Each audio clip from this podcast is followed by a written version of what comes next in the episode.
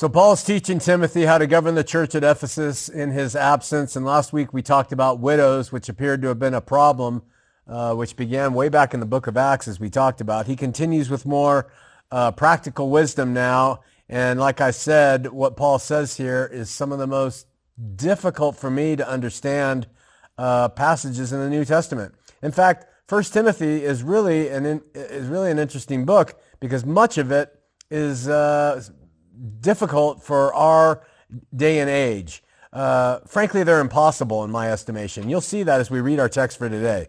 So let's start at verse 17. Paul writes, Let the elders that rule well be counted worthy of double honor, especially they who labor in word and doctrine. For the scripture says, Thou shalt not muzzle the ox that treads out the corn, and the laborer is worthy of reward. Against an elder receive not an accusation, but before two or three witnesses. To them that sin, rebuke before all, that others may also fear. I charge thee before God and Lord Jesus Christ and the elect angels that thou observe these things without preferring one before without preferring one before another, doing nothing by partiality. Lay hands suddenly on no man, neither be a partaker of other men's sins. Keep thyself pure. Drink no longer water, but use a little wine for your stomach's sake and your often infirmities.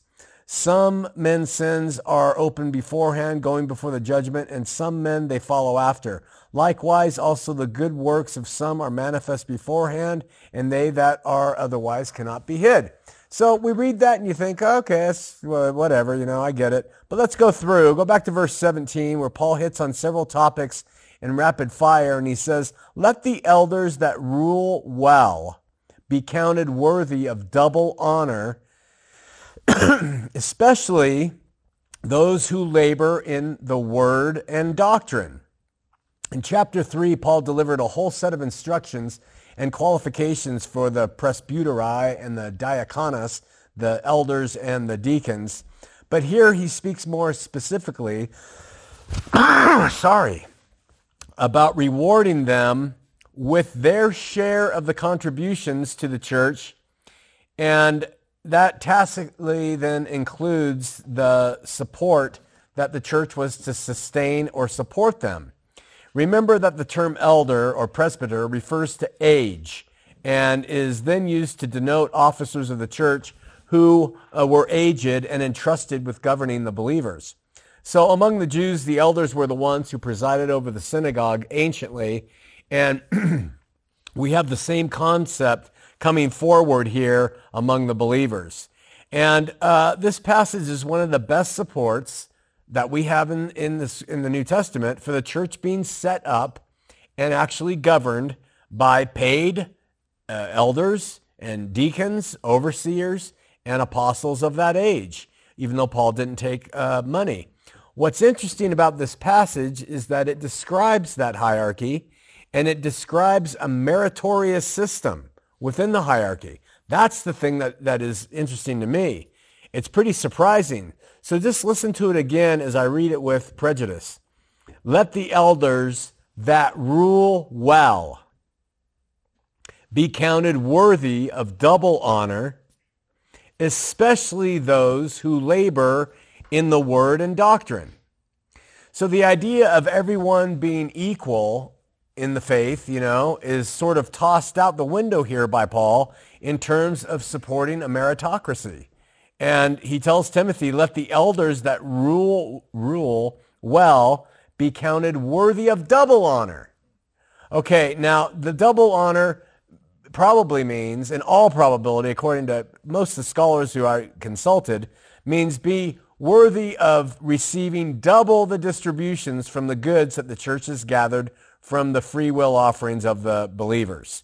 The church was sustained communally by people under the direction of the uh, Holy Spirit. And Paul tells them, listen, get, be a cheerful giver. He never talks about tithes, but he says, if you're going to give, be a cheerful giver. And that's how you do it, right?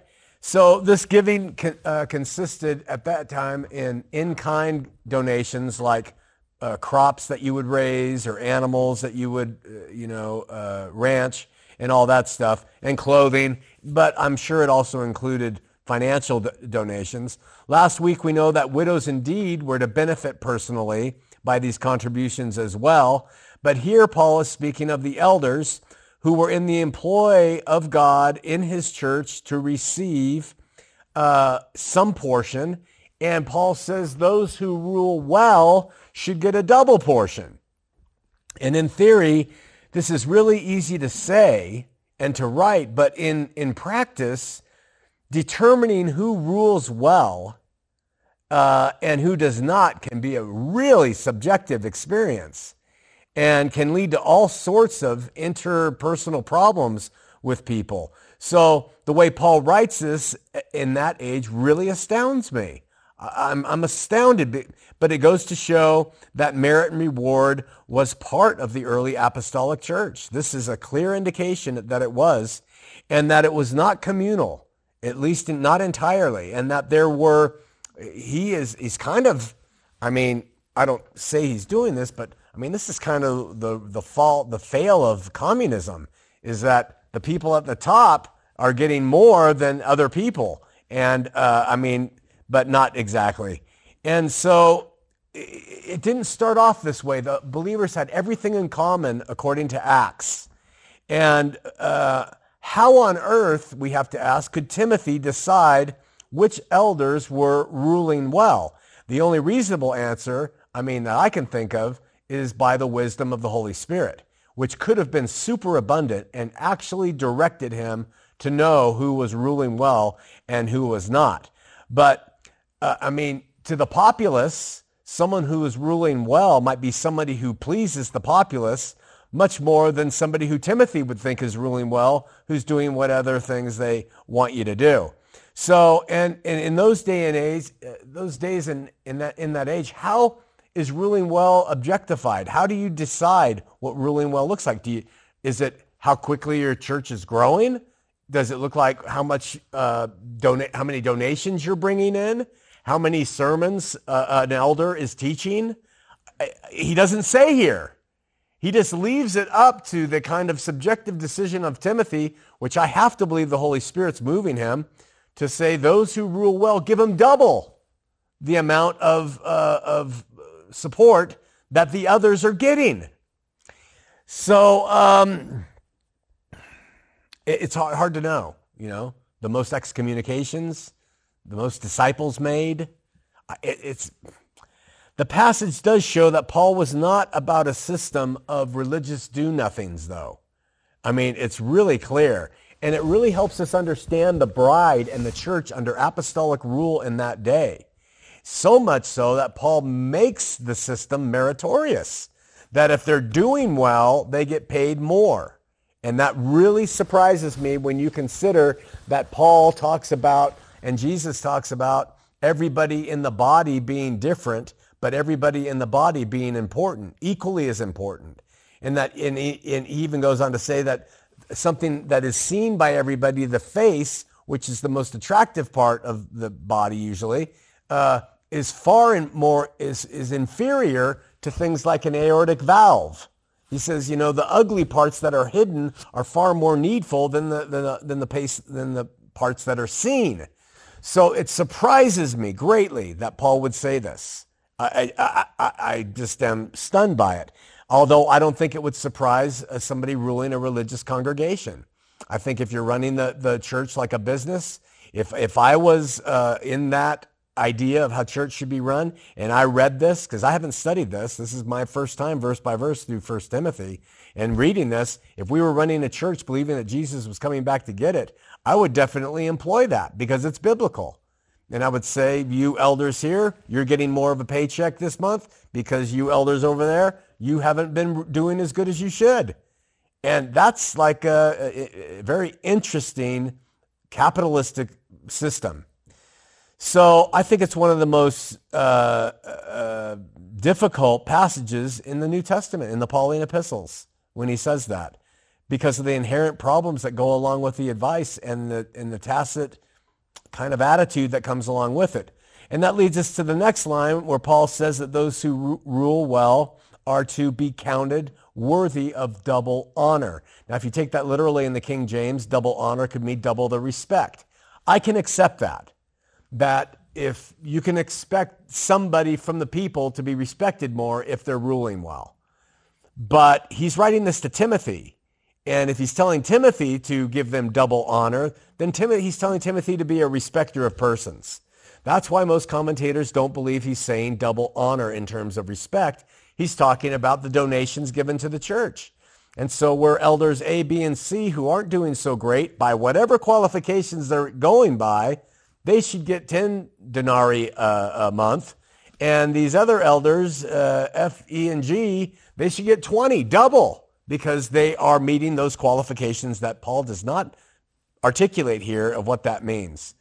So, um, in the context of other passages, this appears to mean that the elders of the church were expected to one receive income for their efforts and Paul is actually saying that the high performing elders were to be counted worthy to receive double the expected amount.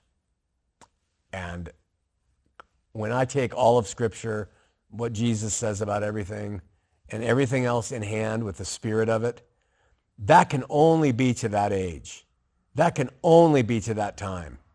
If we have that mentality in the churches today, then, you know, the number of con- converts you get in your parish, then the bishop of that parish or the elder should be paid more.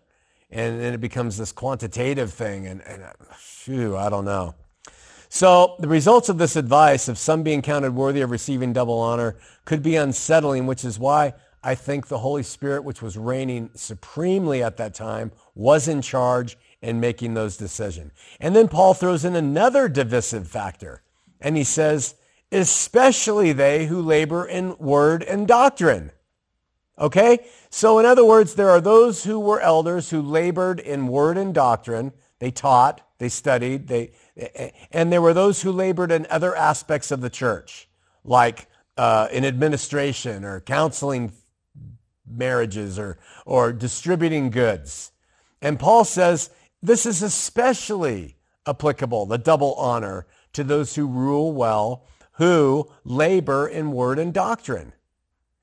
And, and while this line further divides the leaders up in terms of value, uh, meaning some are supposed to get double honor because of it, uh, and says that the double portion caveat ought to be reserved for those who work best in speaking and teaching, I find it again causing a division. You know, we love to talk about, hey, you're just as important in the church if you hand out brochures uh, well, programs to people when they're coming through the door as somebody else who's uh, teaching the children in, in Sunday school. You know, we love to say we're all the same, we're all the same. This is exactly contrary to that idea. He is saying something absolutely different from that, and he ties it to money. And that's why it's such disturbing passages to me. I don't get it. Now, it's possible Paul was just talking his own opinion here because he does speak his own opinion in places. And it's very possible that he just didn't add, and this is my own opinion.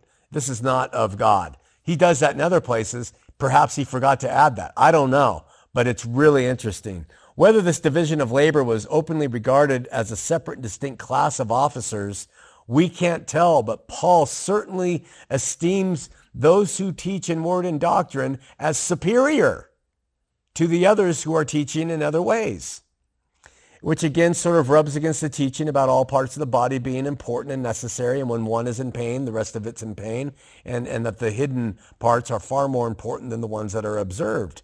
That goes actually contrary to that. What Paul is saying is that the public parts, the teachers in word and doctrine, ought to be paid more while the hidden parts, those who are behind the scenes cleaning the place after everybody leaves, should not get that same amount.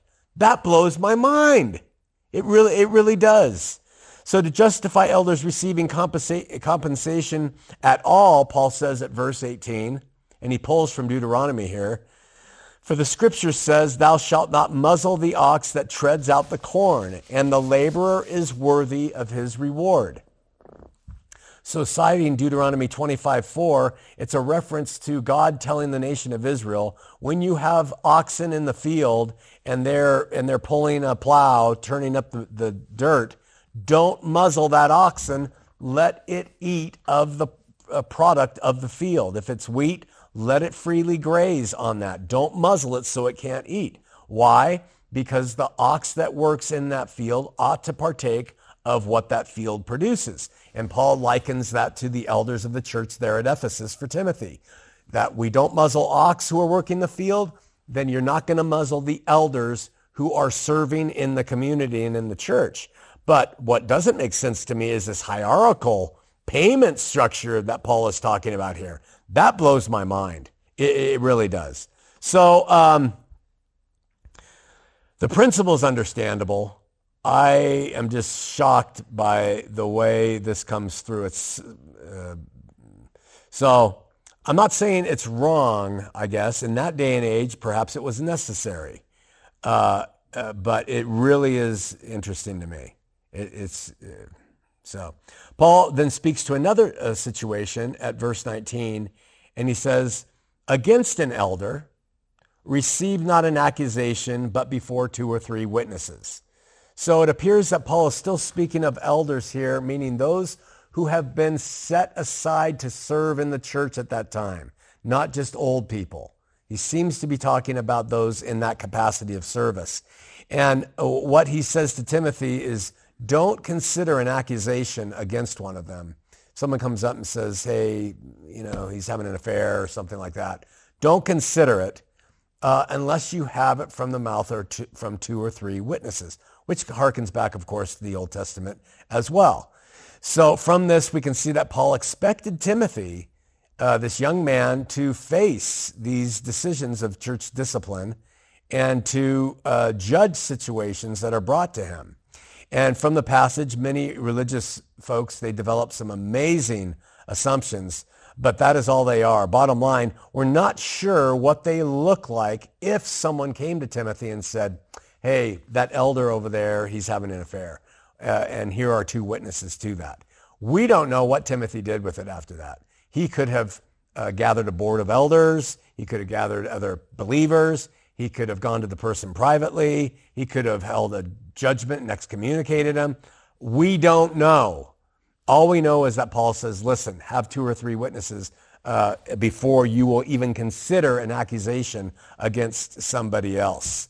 Um, then Paul adds another line, which is really troubling uh, to me as a proponent of the age of fulfillment. He says, them that sin rebuke before all that others may also fear.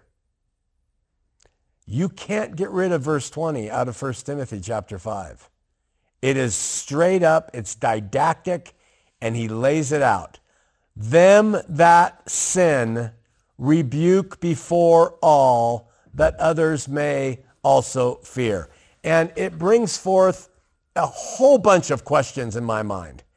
Uh, for starters, I have zero problem with this being the modus operandi of the early church.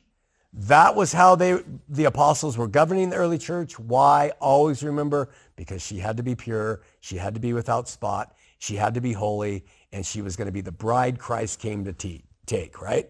So if that was the way the apostles set it up, very, you know, quasi-militaristic, very legalistic, uh, if you're doing this, you're to be called out in front of the whole congregation.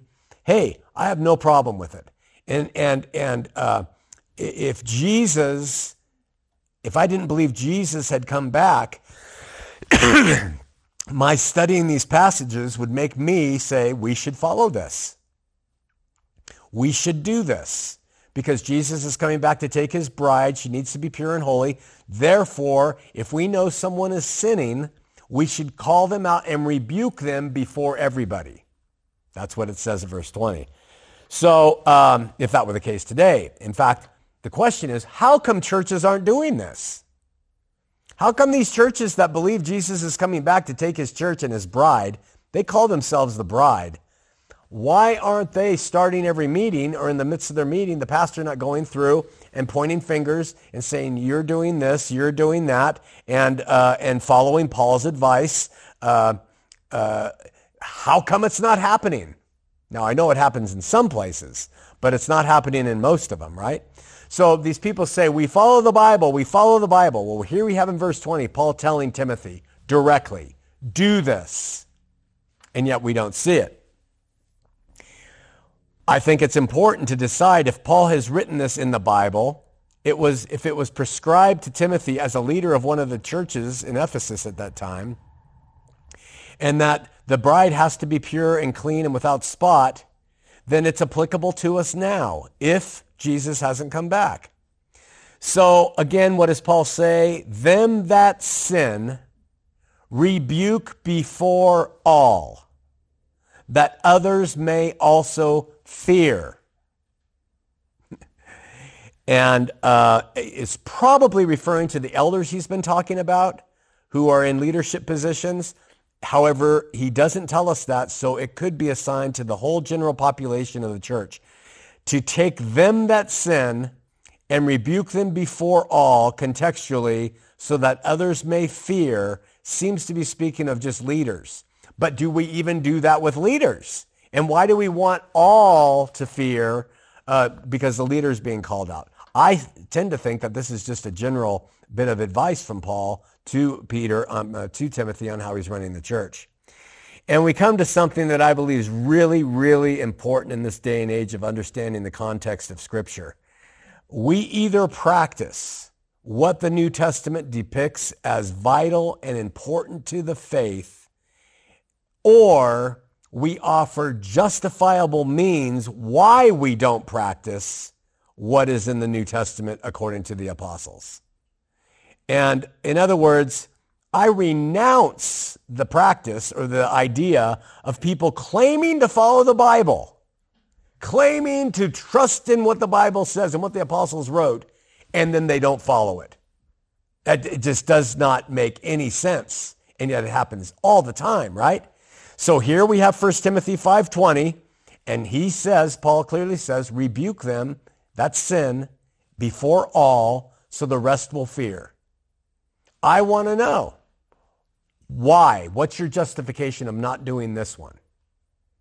The book of 1 Timothy is full of these, like with widows. How come you're not handling your widows? Why do you get to pick and choose how to rebuke people or not rebuke people? And then you say you follow the Bible, but you really don't. We either follow it or we don't. If we don't, there's got to be a justification for not. And I think the justification is application to context and time. It, it was to them then. And I think that's why I can stand on that fully. I want, I would love to have a, a, round circle of people and hear the leaders of churches explain why they don't follow this advice from Paul to Timothy, right? So um, we either follow the New Testament or we don't. And if we don't, you better have a solid, substantive, sub- substantive reason why, supported by the text and validated, uh, validating your failure to do it. So therefore, if you or your church or your elders or pastors or deacons boards teach that Jesus is coming back to take his bride, which most do, and, uh, and I really mean this, you ought to belong to a church that practices what Paul taught. That's, he brought it to the church. And you ought to not be offended if your pastor points at you one Sunday and says, Sister Jones, you were caught drunk at the Mexican restaurant last week. That's sin and you are now removed because that is what Paul call everyone out. So everyone else can say, boy, I better not get drunk, at least not at that Mexican restaurant, right? So that's what Paul's advice to the churches then. Why aren't we doing it now? You got to think about that and talk to your pastor perhaps about that. Relative to that passage, uh, that means that you and your leaders ought to embrace in verse 20, um, them that sin rebuke before all, that others may also fear. Um, we would have to understand there would have to be a way within the church for the pastor to be able to, one, be in a position to call someone out for their sin, which means that pastor must be pretty darn pure and right in their life. And two, they have to have a knowledge of what the sins of the other people are. And I think that comes by the leadership through the Holy Spirit in that day and not today. I don't think that someone can uh, know what this is unless you uh, bring in the Gestapo of the faith and have everybody questioning everybody else's worthiness and righteousness, and you have people being called out uh, through that means. That's possible, but you know we've seen it in movies out there, right? Uh, the crucible being very big on the public calling out of sin. Uh, and, and we know that that happened in that. And, but that was not wrong what they did, even though it's offensive. When you sit there and watch it, you're like, my gosh, what are they doing? We see how green was my valley, I think was another one where they, there's a marriage in that and, and the elders would call people forward for sin and they would call them out in the front of the uh, congregation. Paul says, do that so others may fear. At least they're doing what the Bible says, right? Uh, so if you're not, why? Why aren't you? Is your church practicing this? Maybe you ought to suggest, I think we ought to be calling people out for their sin and, and, and ask them why we're not. All right. And so can a church reasonably do that in this day and age? And is anyone worthy to engage in condemnations of other people and calling them out before the congregation? And can you do it without being guilty of hypocrisy? I don't know. I don't know if it's possible. I want to do and I want to do every part of what God wants. Really. I really do. And I'm serious that if I didn't believe the scripture supported him already having returned and taken his bride, I would change what we do at campus because of these passages. Because I would think he's coming back. We need to be right.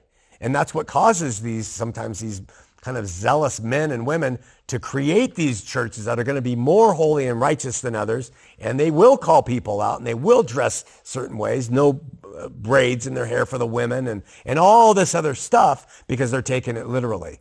I got to respect them more than someone who says we teach the Bible and doesn't follow it. They, that doesn't make sense. So um,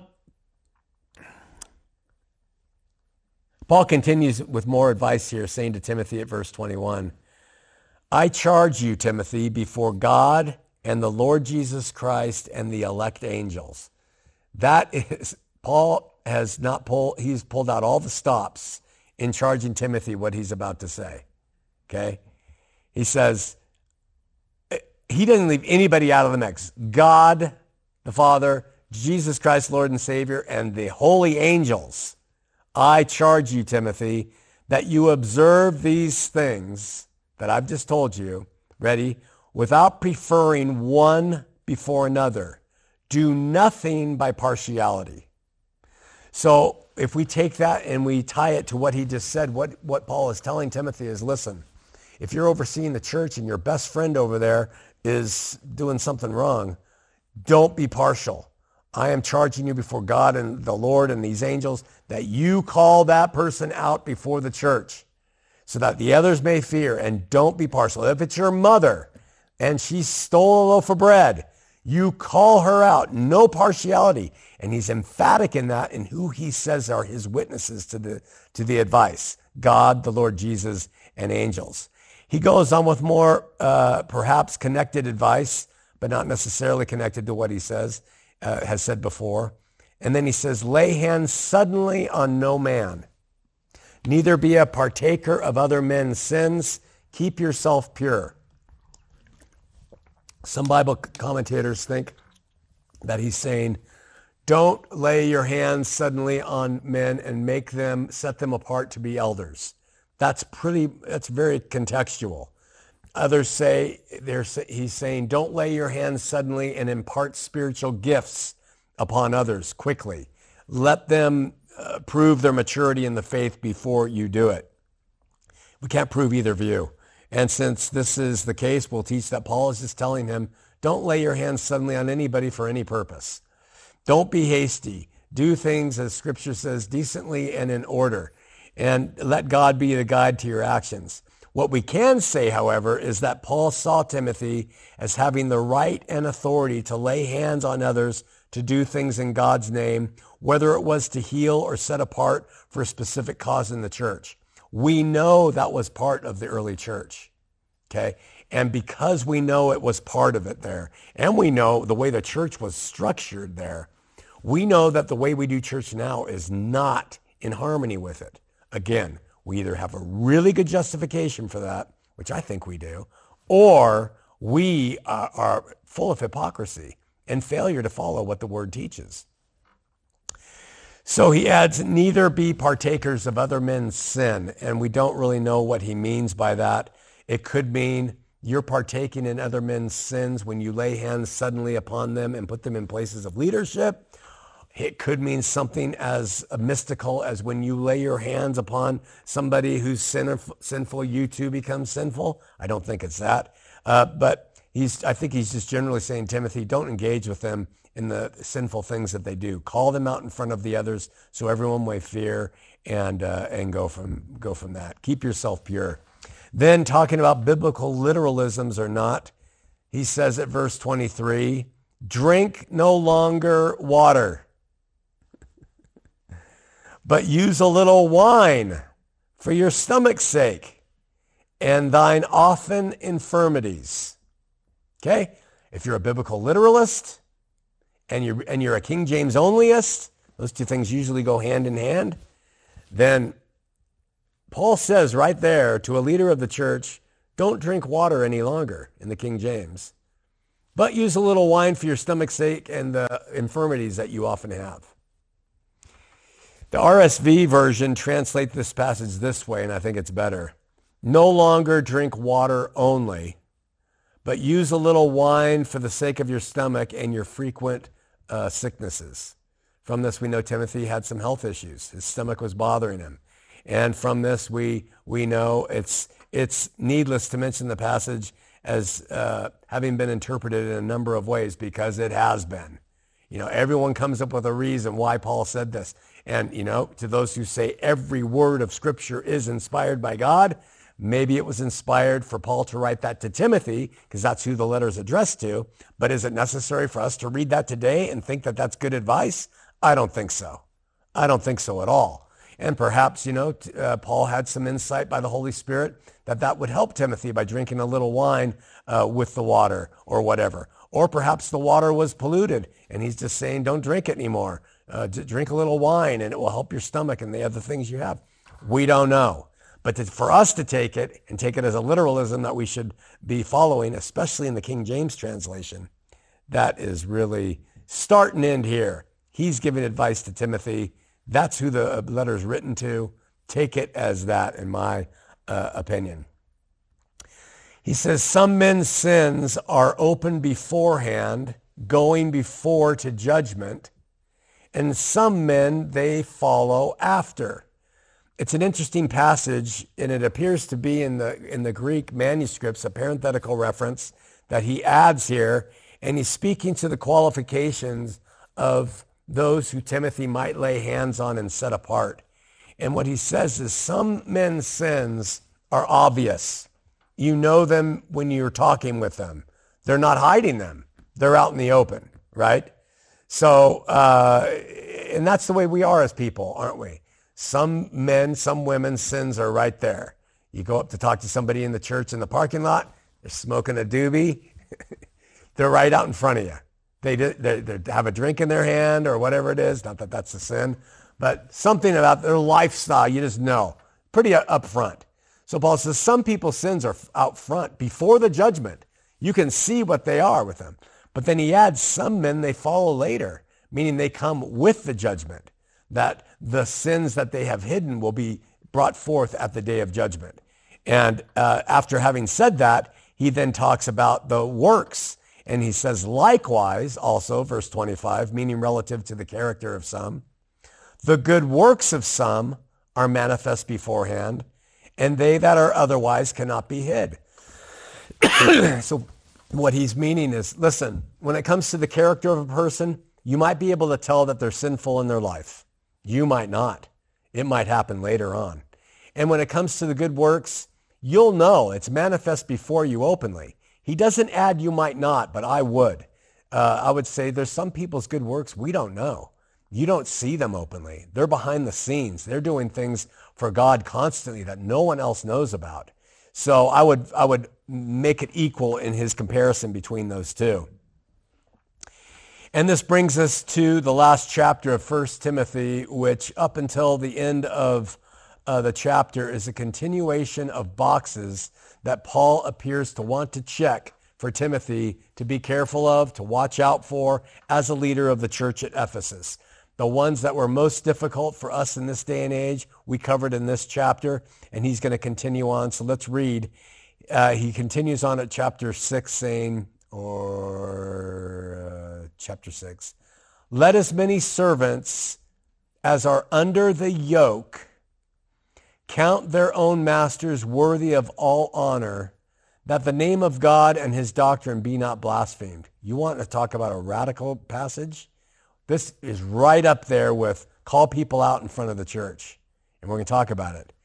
And they that have believing masters, let them not despise them because they are brethren, but rather do service to them because they are faithful and beloved partakers of the benefit. These things teach and exhort.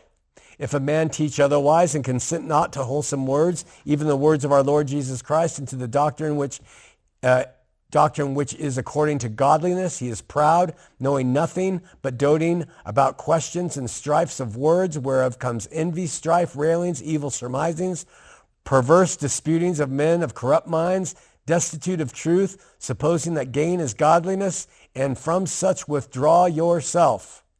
But godliness is the contentment Godliness with contentment is great gain. For we brought nothing into this world, and it is certain you can carry nothing out. And having food and raiment, let us be content therewith.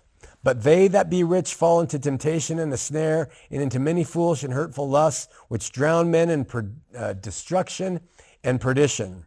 For the love of money is the root of all evil, which some covet after. They have erred from the faith and pierced themselves with many sorrows. But thou, O man of God, flee these things. Follow after righteousness, godliness, faith, patience, love, meekness. Fight the good fight of faith. Lay hold on eternal life, whereunto thou art also called, and hast professed a good profession before many witnesses.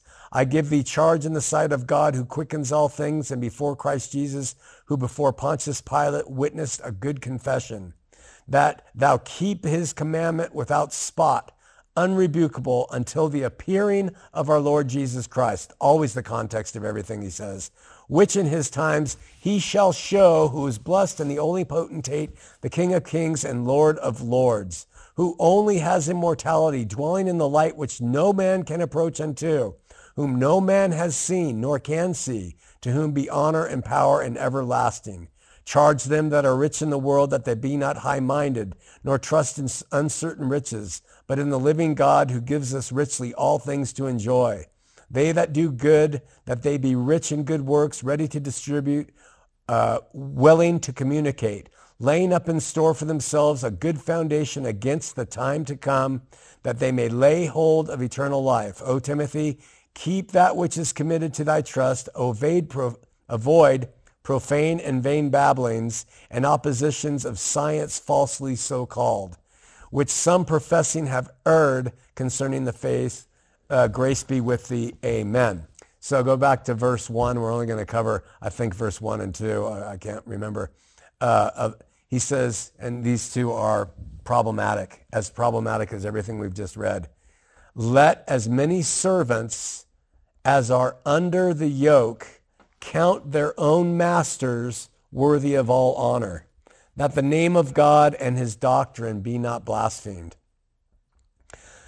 The word servant there is doulos, but he says they are servants under the yoke. And s- slavery was part of the economy of Ephesus. And it's probably not referring to servants as in people who work as helpers in a house. Because he says under the yoke, every scholar that I uh, consulted says he's talking about slavery. Let those who Christians who are under the yoke, who are slaves, he says, uh, count their own masters worthy of all honor, that the name of God and his doctrine be not blasphemed. And Paul makes it very clear here in this first statement that if you're a Christian, and if you're a slave, that you honor your master with all honor. You don't uprise. You don't seek uh, to break your chains. You uh, consider that master as worthy of all honor, is what he says. The reason that the name of God and his doctrine be not blasphemed. This shows a marked difference in the church in that day and why they did things the way they did it and why Paul was telling them to do it this way than the church today. I mean, uh, I cannot believe that in the church today, uh, a slave should be um, compliant to their master with all honor, um, because as a means to uh, uh, not blaspheme God and His doctrine. Then it was important because the church couldn't be attacked. The church had to be intact, and the church not attacked and, and intact, and had to be taken pure and undefiled. And that was the purpose for this heavy-handedness on these things.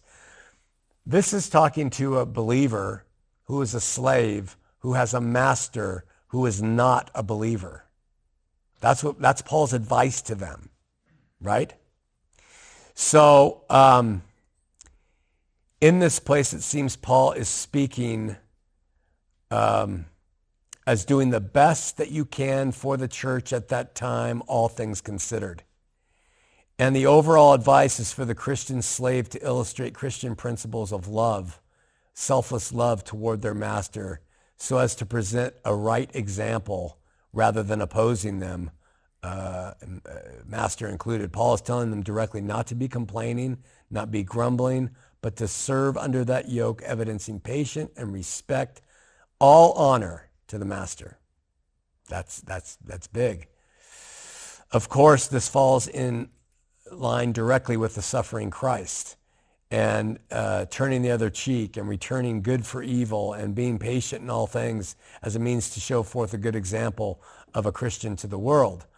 Uh, this is really important, especially in that day and age, as a means to keep external pressures off the new believers, uh, for believers to truly live and represent good form to non to all non-believers, including those who are their masters. Paul then speaks of slaves whose masters are believers. And he says, and they that have believing masters, let them not despise them because they are brethren, but rather do them service because they are faithful and beloved, partakers of the benefit of the gospel.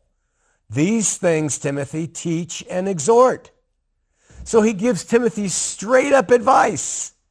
If you have believers who are slaves, they are to honor their unbelieving master with all honor. And if you have Christians whose masters are Christians too, you're to see them as brothers, equal as brothers, and to treat them as such. And it's clear from this that Paul believed it possible that a person could become or could convert to Christianity and be a slaveholder. Because he doesn't ever say slaves, I mean masters, emancipate your slaves. He never says it. He, he, he never says men who have more than one wife, emancipate one of the wives or the other wives besides the first. He doesn't ever give that kind of advice, and it's radical. And it's for that time because of everything that we've always talked about. The fact of the matter is there's no indication that a person could be a Christian and be prohibited from then taking slaves either. There's nothing in the New Testament that says a Christian couldn't take on slaves and be their master in that age. That's straight up biblical. You want to just follow the Bible and what it says about that? You could. And, and unfortunately, this brings us to the very difficult reality um, that's really, really hard to understand for many people, especially when we consider Paul is constantly calling people to purity and holiness and goodness and love and without spot in that day and age, that there were some practices in that day and age that were not addressed as forbidden and that people could practice them and still be considered pure.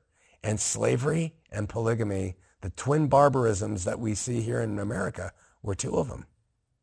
That's a hard pill to swallow. It's so difficult to swallow, though, when we look past that age, we go out into uh, uh, our society, and that Christians justified slavery through the use of these passages and others that are in the Bible. That's when you say, wow, what he was talking about there really had application for that specific time.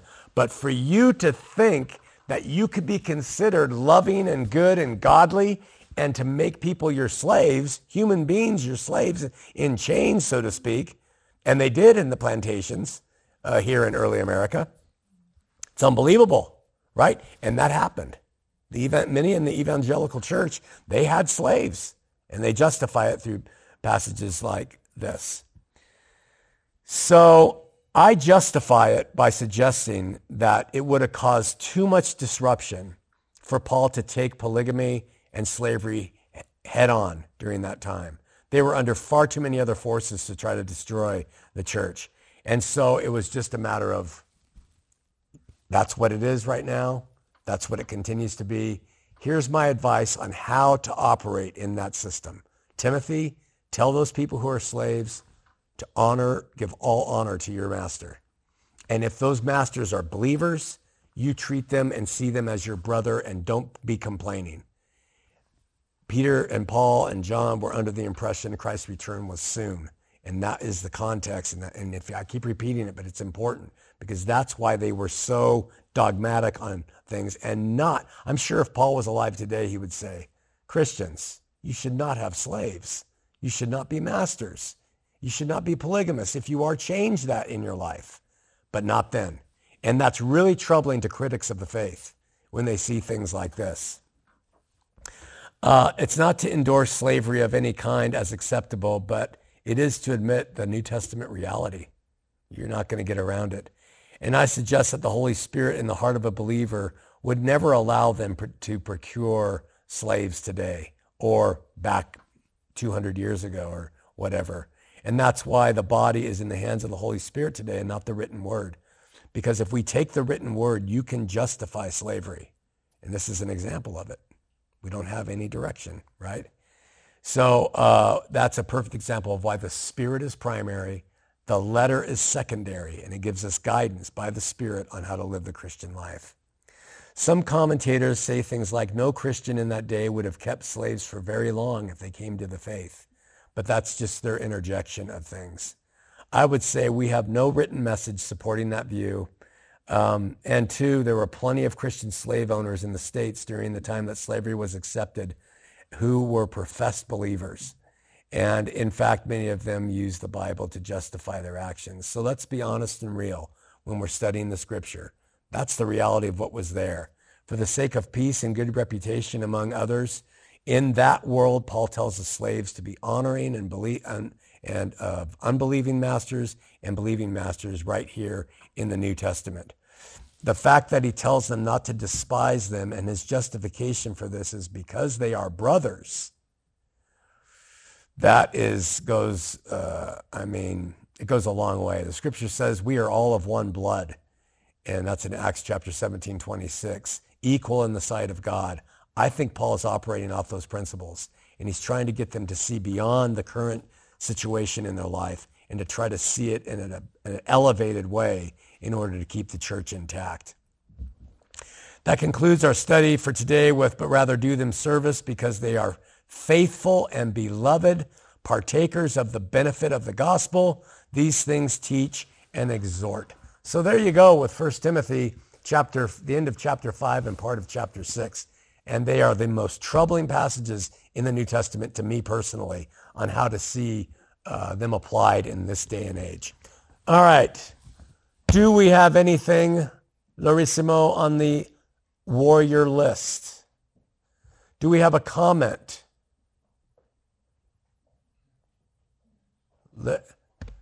Are all men's group? We should just call this the men's group.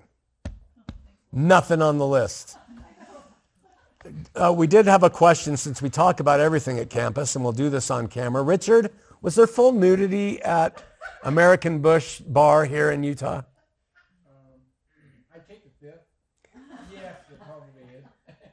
Is Is or was? Is it? It's gone, is it? It is, it's, but you can't have. No alcohol. No alcohol. You can be totally. Nudity, no alcohol. Uh, alcohol, no nudity. No alcohol, full nudity. Alcohol. And for every piece of clothing you remove, it's one less beer. We had a conversation earlier, and someone suggested Richard might know the answer to this. How dare they? How dare they, he says. Let's pray, you guys. Lord, uh, help us to understand the context and the import of the word in our lives. By the Spirit, whose fruit is love. And, uh, and we have to see it in that context. So help us to do that as students of the Word and as Christians in this day and age. Help us to move out of here in this building today and to be uh, enjoy life and that you've given us and to uh, use the gifts and the skills that you've um, bestowed upon us at our birth to, to use them effectively in the ways that you want us to, freely, with liberty, and uh, to go forward and just be Christians in uh, spirit and truth and in deed. And we pray for those who are struggling in the faith for whatever reason. We pray for everybody else in this world and this uh, tumultuous time. We pray for our nation. We pray for uh, the government and the government leaders. We pray for people who are in distress, people who are sick, people who are lonely. Uh, we have a nation of young people who are messed up in the mind because of quarantines and all this stuff. And we just pray for them. And we ask you to make yourself known and insert yourself into lives so that you can liberate us again from these traps. So help us to move forward now in safety and peace, Lord, until we get together again. In Jesus' name, amen.